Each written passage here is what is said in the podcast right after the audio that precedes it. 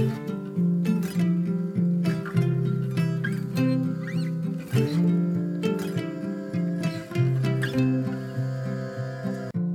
och välkommen till For Health med Anna Sparre. Idag ska vi prata hormoner, hormonella obalanser och hormontester. För idag kommer, på er lyssnares förfrågan, den helsvenska versionen av det Carrie Jones sa i avsnitt 159. Tänk dock på att hon ger mycket mer i den långa intervjun, så missa inte att lyssna på 159 om du är intresserad av ämnet.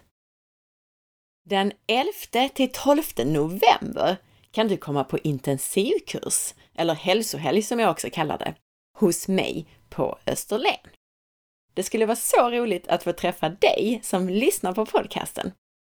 Läs mer om den här kursen på forhealth.se hälsohelg eller anmäl dig direkt till boka at forhealth.se. Jag håller en relativt liten grupp, så skynda dig att anmäla innan kursen är fullbokad. Om du gillar det här avsnittet så blir jag jätteglad om du vill dela med dig av det på Facebook, Instagram eller till en vän. Gå in också och lämna ett betyg eller en recension i iTunes. Det gör det nämligen lättare för mig att få hit intressanta intervjupersoner. Tack på förhand! Om du är nyfiken efter avsnittet så hittar du mer information på forhealth.se och så kan du boka mig som föreläsare, till exempel till ett event eller ett företag.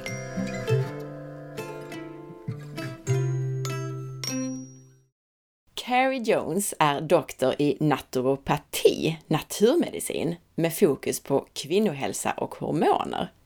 Hon arbetar också för ett labb som tillhandahåller tester för hormoner. Carries egna klienters hormonella obalanser beror på deras ålder. Men hos yngre kvinnor så är det vanligt med östrogendominans, som bland annat yttrar sig som PMS, irritation och ömma bröst. Hos äldre kvinnor så är det sjunkande hormoner i klimakteriet som är vanligt, vilket ger vallningar, sömnproblem, oro med mera. Anledningarna bakom hormonbesvär är en kombination av genetik och livsstil. När det gäller livsstilsfaktorer så ger till exempel stress och dålig kost mer klimakteriebesvär.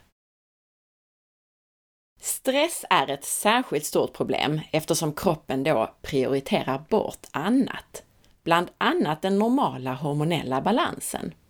Och det här är en överlevnadsmekanism. Våra olika hormoner och hormonella system kommunicerar hela tiden med varandra, till exempel stress, sköldkörtel och könshormoner. Så problem i ett hormonsystem ger besvär även i andra. När det gäller att mäta och testa hormoner så är det viktigt, bland annat för att kunna se och mäta om det blir bättre av olika åtgärder. Med tester i blod så mäter man vad som cirkulerar i blodet just för tillfället. I saliv kan man mäta till exempel fritt kortisol, men man ser inte totalt kortisol i saliv. I saliv och blod ser man inte heller nedbrytningsprodukter, metaboliter, vilket du däremot kan få i urin. Andra saker, som till exempel näringsbrister, kan yttra sig som hormonella obalanser så det är även viktigt att testa och utesluta det. Det skulle till exempel kunna handla om järnbrist. Dutch-testet är ett hormonellt urintest som testar många hormoner och metaboliter. Dutch står för Dried Urine Test for Comprehensive Hormones. Genom att testa metaboliter, nedbrytningsprodukter av hormoner, så ser man bland annat det som Carrie kallar för pathways, Alltså vilken väg eller riktning allt går i när kroppen och levern bryter ner hormonerna. När man till exempel tittar på östrogenerna så finns det i huvudsak tre riktningar som de kan brytas ner i. 2-hydroxy, 4-hydroxy och 16-hydroxy. Och i huvudsak så vill man undvika 4-hydroxy som är den cancerogena riktningen och istället komma mer emot den hälsosamma 2-hydroxiriktningen. Ett sätt att påverka det här positivt på, det är genom att äta mer kolgrönsaker.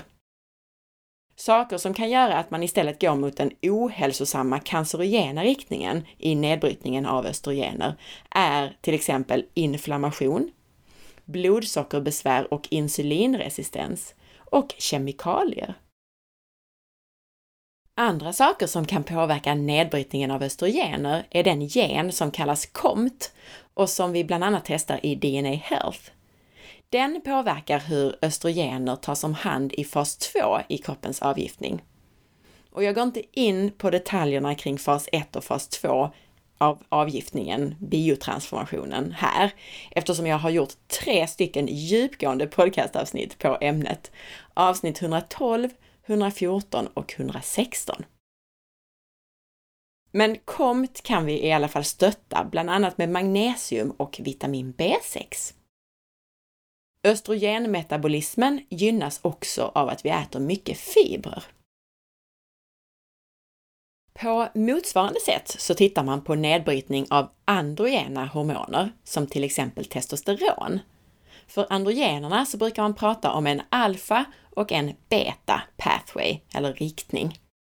Och här vill vi ta oss från alfa mot beta. Alfa-riktningen är det som gör att vi drabbas av akne och håravfall. Och det är samma sak här. Inflammation och blodsockerproblem driver denna nedbrytning mot den sämre alfa-riktningen. Saker som kan hjälpa här är till exempel zink, men också en del örter och annat. Till exempel någonting som kallas för saw eller sågpalmetto på svenska. I sitt klientfall så förklarar Carrie också hur stress påverkar könshormonerna och allt det här som vi pratar om extremt mycket. Vi pratar om några vanliga symptom och obalanser. Sömnbesvär kan bero på många saker. Allt från dålig blodsockerkontroll till lågt melatonin. Ett lågt progesteron kan ge sömnproblem eftersom progesteron är ett lugnande hormon. Ett högt kortisol ger också sömnproblem.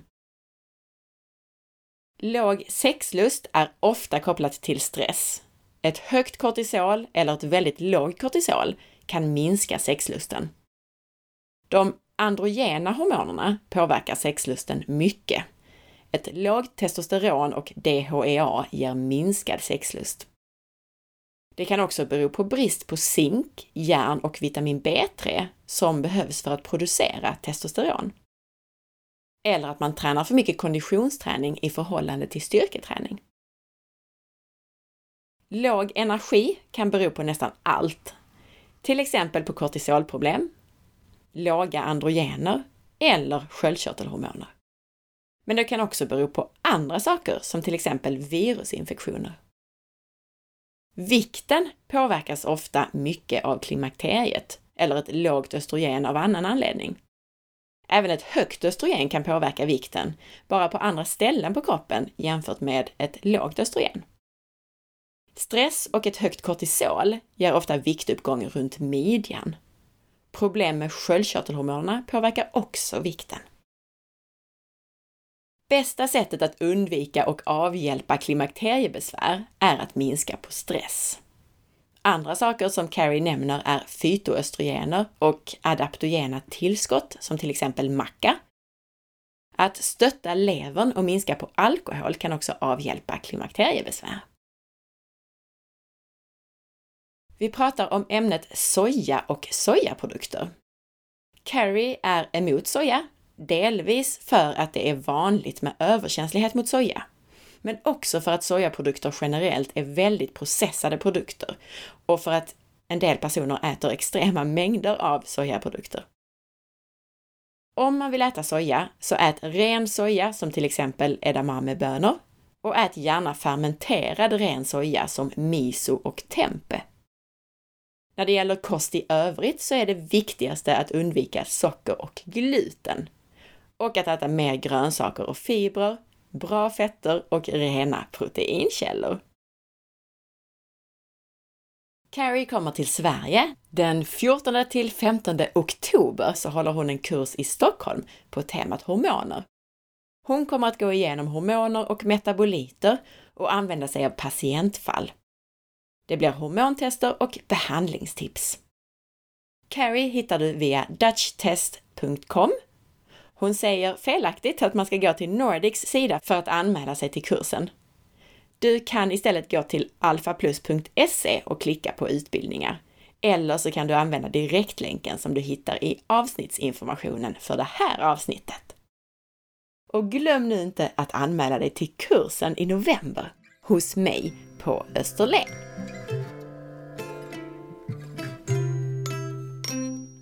Tack för att du lyssnade idag! Jag hoppas att du gillade avsnittet. Gjorde du det så dela med dig av det, dela på Facebook och tipsa en vän. Gör också som Emea och lämna en recension i iTunes. Emea skriver Bästa podden!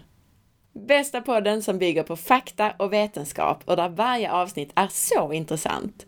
Tack för allt jag fått lära mig och för att min hälsa blivit mycket bättre tack vare all ny kunskap.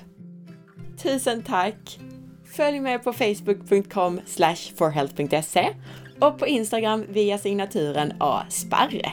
Och titta in på bloggen på forhealth.se. Ha en fantastisk dag så hörs vi snart igen. Hej då!